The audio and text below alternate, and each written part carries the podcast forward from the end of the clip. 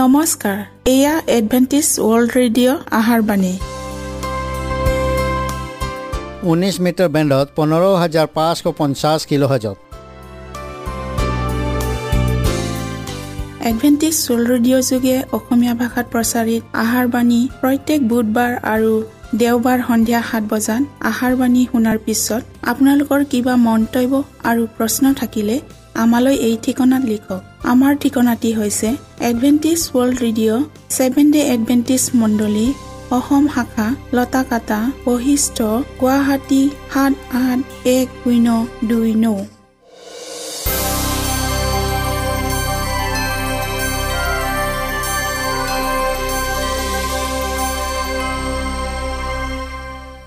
প্ৰিয় শ্ৰোতা বন্ধুসকল এতিয়া শুনো আহক এটি খ্ৰীষ্টীয় ধৰ্মীয় গীত। অন্তৰ্জামী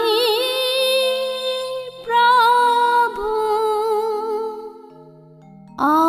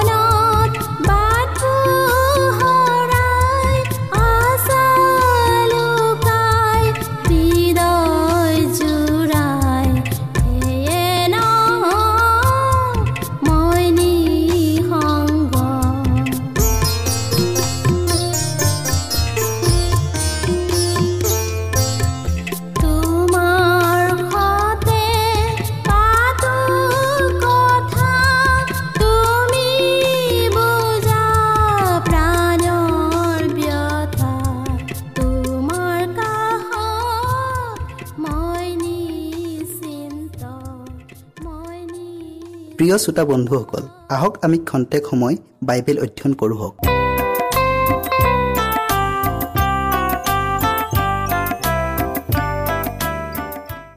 বাইবেল শাস্ত্ৰৰ প্ৰথম বচনৰ শব্দবোৰ এই আদিতে ঈশ্বৰে আকাশমণ্ডল আৰু পৃথিৱী সৃষ্টি কৰিলে।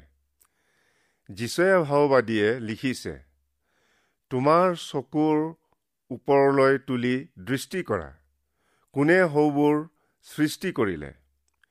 যিজনে সংখ্যা অনুসাৰে সেইবোৰৰ বাহিনীবিলাকক উলিয়াই আনে যিজনাই সেইবোৰক নাম ধৰি ধৰি মাতে সেইজনাৰ অধিক সমৰ্থ আৰু বহু পৰাক্ৰমৰ কাৰণে সেইবোৰৰ এটিও অনুপস্থিত নাথাকে।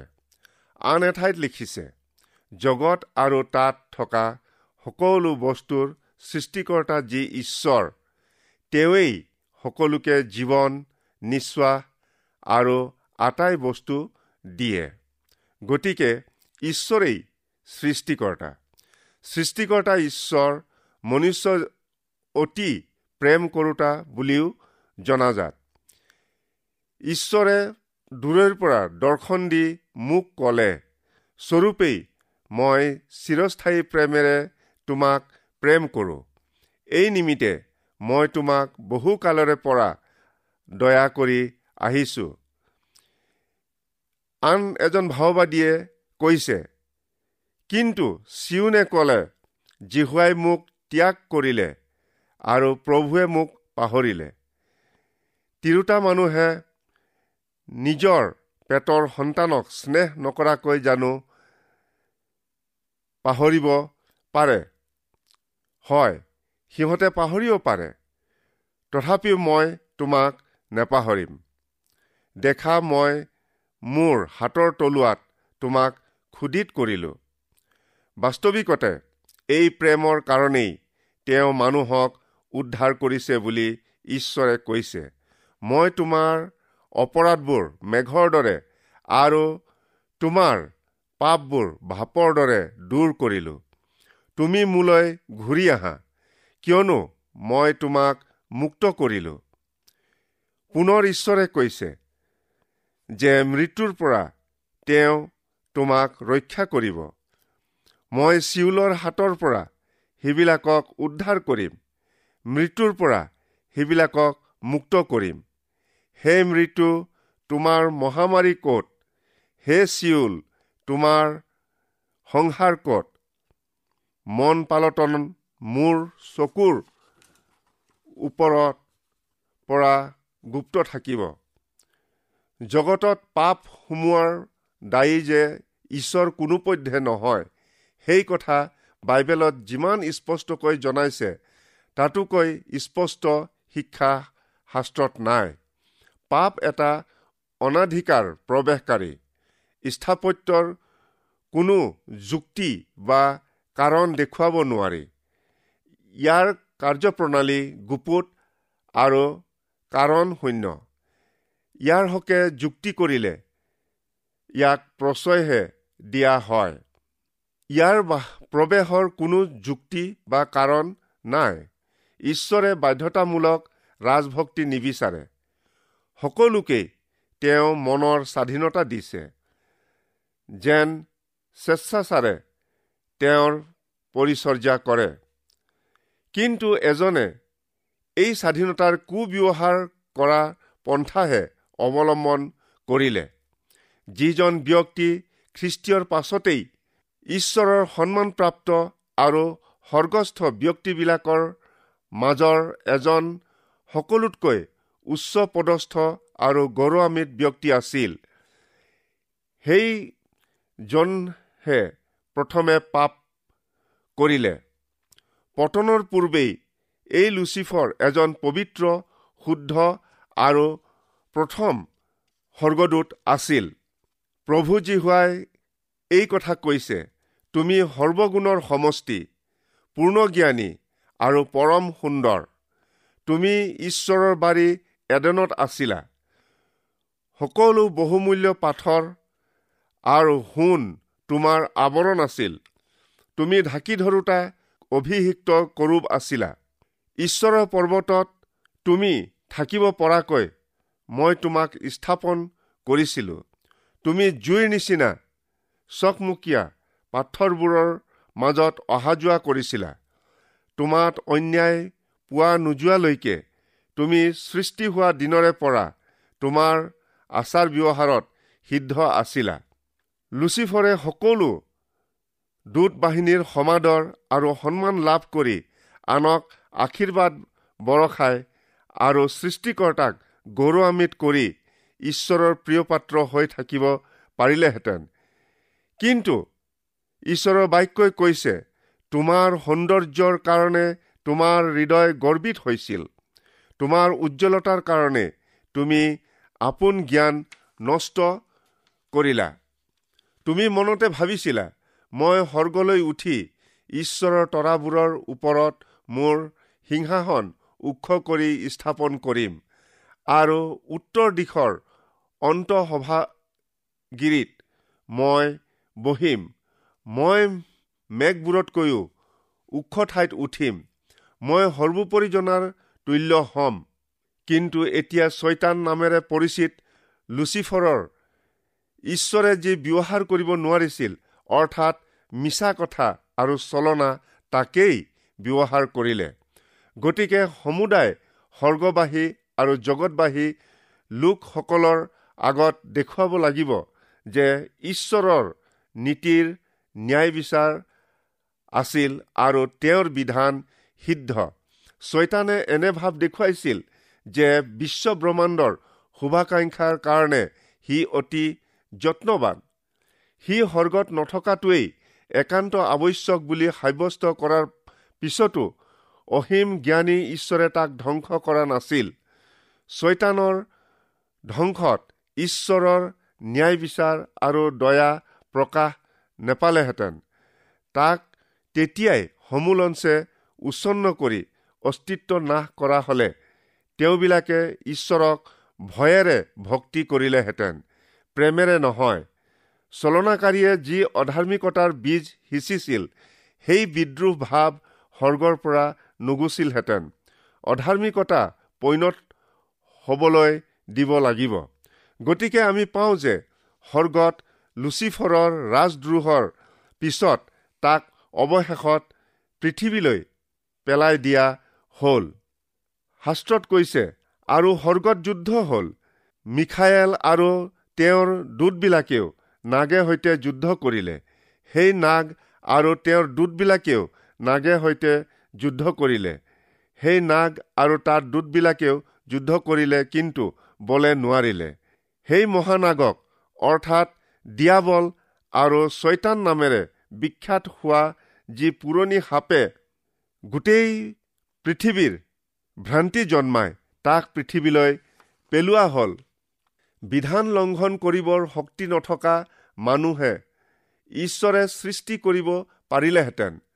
আদমে নিষেধ কৰা গছৰ গুটি চুবলৈ বুলি বঢ়োৱা হাতখন ঈশ্বৰে বাধা জন্মাব পাৰিলেহেঁতেন।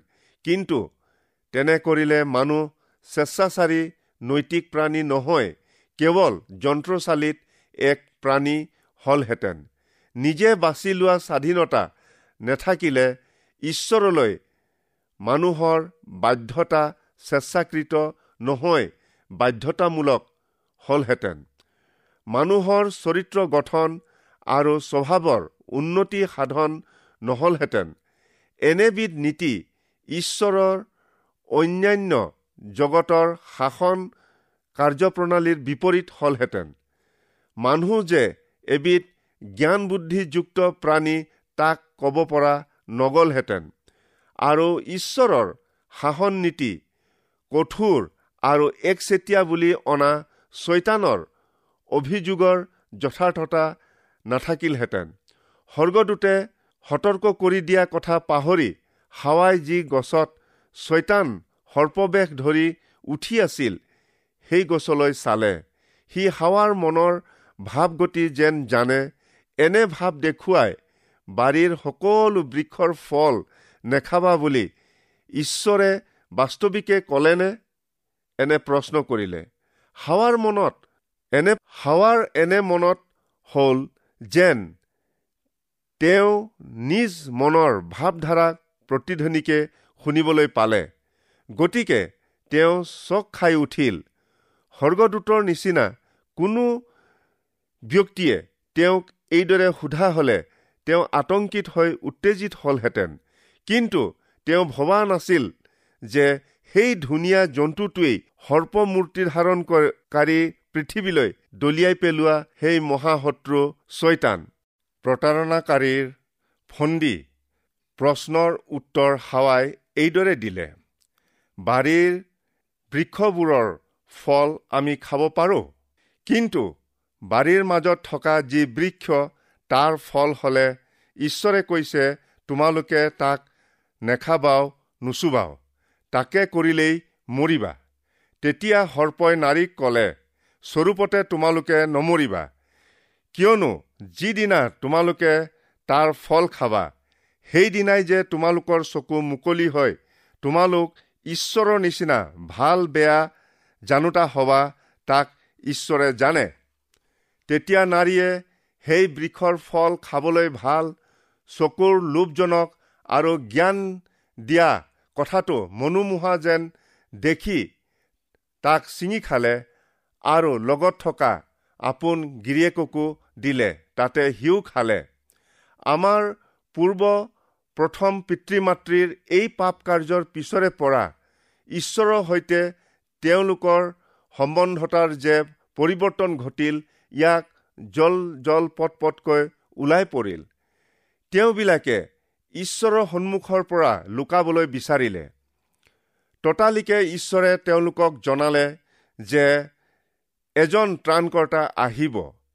পাপৰ ফলত তেওঁলোকে নিজলৈ আৰু পৃথিৱীলৈ কি অভিশাপ আনিলে তাকো ঈশ্বৰে জনালে। বিতুপন এডেন উদ্যানৰ পৰা তেওঁলোকক পৃথিৱীৰ মাজলৈ খেদি দিয়া হ'ল। আৰু সেই পৃথিৱীত পাপৰ পৰিণামৰ ফল প্ৰকাশ পাবলৈ ধৰিলে। স্বৰ্গদূত বা মানুহে যে পাপ কৰিব তেনে ব্যৱস্থা যদিও ঈশ্বৰে কৰা নাছিল তথাপি তেওঁবিলাকে যি স্থলত পাপ কৰিলেই তেনে স্থলত ঈশ্বৰে বিদ্ৰোহৰ বিচাৰ ব্যৱস্থা কৰোঁতে এনেভাৱে কৰিবলগীয়া হ'ল যাতে সেই বিচাৰৰ দ্বাৰাই তেওঁলোকৰ স্বভাৱ আৰু গুণৰ মহত্ব সমুদায় বিশ্ব ব্ৰহ্মাণ্ডৰ আগত পৰিচয় পাব। এই পৃথিৱীয়েই লুচিফৰে তাৰ কু ৰাজনীতি চৰ্চা আৰু সেই নীতিবোৰ প্ৰয়োগ কৰিবৰ কৰ্মস্থলী হ'ল। শাস্ত্ৰত কৈছে পাপৰ দ্বাৰাই হোৱা অধপতনৰ বৰ্ণনা এইদৰে কৰিছে। কাৰণ সিহঁতে ঈশ্বৰক জানিও তেওঁক ঈশ্বৰ বুলি তেওঁৰ গৌৰৱ কি ধন্যবাদ নকৰিলে। কিন্তু নিজ নিজ তৰ্ক বিতৰ্কত মিছা হৈ পৰিল আৰু সিবিলাকৰ অবুধ হৃদয় অন্ধকাৰময় হ'ল। সিবিলাকে নিজকে জ্ঞানী দেখুৱাই সিহঁত মূৰ্খ হ'ল আৰু ক্ষণীয় মানুহ চৰাই চাৰিঠেঙীয়া জন্তু আৰু উৰগ আদিৰ আকাৰযুক্ত প্ৰতিমূৰ্তিৰে সৈতে সিহঁতে ঈশ্বৰৰ যি মহিমা সলনি কৰিলে এই হেতুকে সিহঁতৰ মাজত আপোনাবিলাকৰ শৰীৰক অমৰ্যাদা কৰিবৰ নিমিত্তে ঈশ্বৰে সিহঁতৰ হৃদয়ৰ অভিলাষেৰেই সিহঁতক অহুচিতালৈ সোধাই দিলে। সিহঁতে ঈশ্বৰৰ সত্যতাক মিছাৰে সৈতে সলনি কৰিলে। আৰু সৃষ্টিকৰ্তাৰ সলনি সৃষ্ট বস্তুৰ আৰাধনা আৰু সেৱা কৰিলে। সেই সৃষ্টিকৰ্তা সৰ্বদাই ধন্য। আমেন। এইকাৰণে ঈশ্বৰে সিহঁতক অনাদৰযুক্ত কামাভিষালৈ সোধাই দিলে যেনেকৈ সিহঁতে আপোন আপোন তত্বজ্ঞানত ঈশ্বৰক ধাৰণ কৰিবলৈ সন্মত নহল তেনেকৈ তেওঁবিলাকেও সিহঁতক অনুচিত কৰ্ম কৰিবৰ নিমিত্তে ভ্ৰষ্ট মতিলৈ সোধাই দিলে। সিহঁত সকলো অধাৰ্মিকতা দুষ্টতা লোভ আৰু হিংসাৰে পৰিপূৰ্ণ আৰু আখুয়া নৰবধ বিবাদ চল আৰু শত্ৰুতাৰে পূৰ হৈ ফুচফুচাওতা পৰচৰ্চাকাৰী ঈশ্বৰৰ ঘৃণাৰ পাত্ৰ গৰ্বী অহংকাৰী দৰ্পী কুকল্পনা জন্মোৱা পিতৃ মাতৃক নমনা নিৰ্বোধ নিয়ম ভঙা স্নেহহীন আৰু নিৰ্দয় হ'ল। এইবোৰ পাপৰ তালিকা। সকলো পাপগ্ৰস্ত মানুহৰ অবিকল চিত্ৰ। তথাপি ইয়াতেই অন্ত নহয় এটা উদ্ধাৰ হ'বলগীয়া ঠাইও আছে। হেৰুৱা এডেন পুনৰ উদ্ধাৰিত এডেন হ'ব লাগিব। শাস্ত্ৰত কৈছে কিয়নো দেখা মই নতুন আকাশমণ্ডল আৰু নতুন পৃথিৱী সৃষ্টি কৰোঁ। আৰু পূৰ্বকালৰ কথাবোৰ সোঁৱৰণ কৰা বা মনত কৰাও নহ'ব। এই নতুন সৰ্গত আৰু নতুন পৃথিৱীত দুখ ক্লেশ আৰু মৃত্যু নহ'ব। কাৰণ মই যি নতুন আকাশমণ্ডল আৰু নতুন পৃথিৱী সৃষ্টি কৰিম সেয়ে যেনেকৈ মোৰ সন্মুখত সদায় থাকিব তেনেকৈ তোমালোকৰ বংশ আৰু তোমালোকৰ নামো সদায় থাকিব ইয়াকেই ঈশ্বৰে কৈছে। আন শাস্ত্ৰৰ আন এটা ঠাইত কৈছে আৰু সিবিলাকৰ চকুৰ পৰা আটাই চকুলো মুচি গুচাব তাতে মৃত্যু আৰু নহ'ব সুখ বা ক্ৰদন বা বেদনাও আৰু নহ'ব।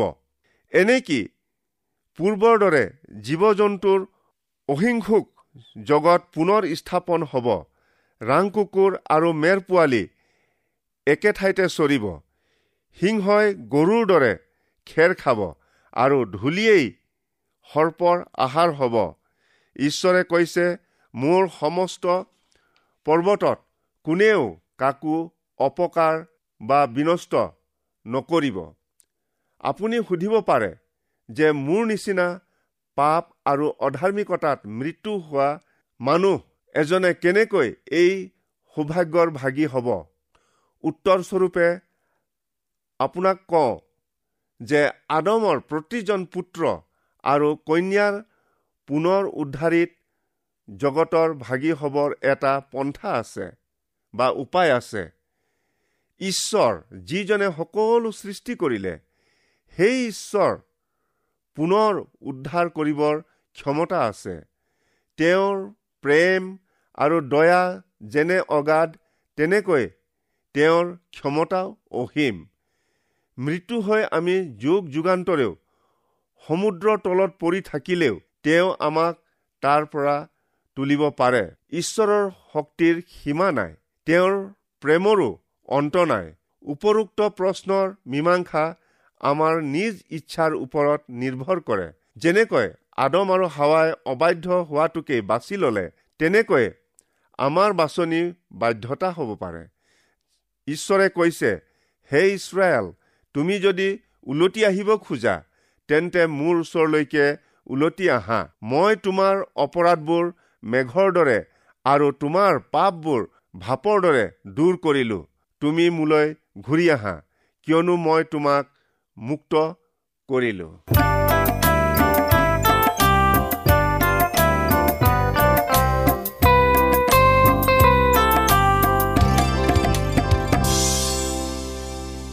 ইমানপৰে আমি বাইবেল অধ্যয়ন কৰিলোঁ। এতিয়া আকৌ শুনো আহক এটি খ্ৰীষ্টীয় ধৰ্মীয় গীত।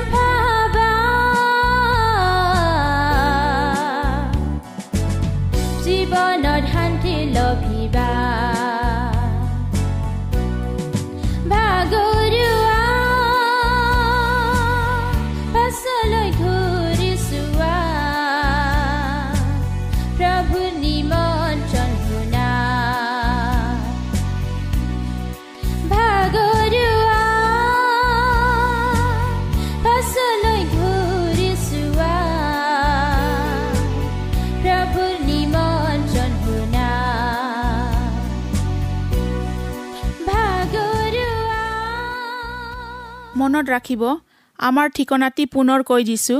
Adventist World Radio' Assam region of Seven Day Adventist Voice of Hope Lotakata Basistha Guwahati seven eight one zero' two nine প্ৰিয় শ্ৰোতা বন্ধুসকল এডভেণ্টিজ ৱৰ্ল্ড ৰেডিঅ' যোগে আহাৰবাণী প্ৰচাৰত আপোনালোকক পুনৰ লগ পোৱাৰ আহাৰে আজিলৈ সামৰিলোঁ। ধন্যবাদ।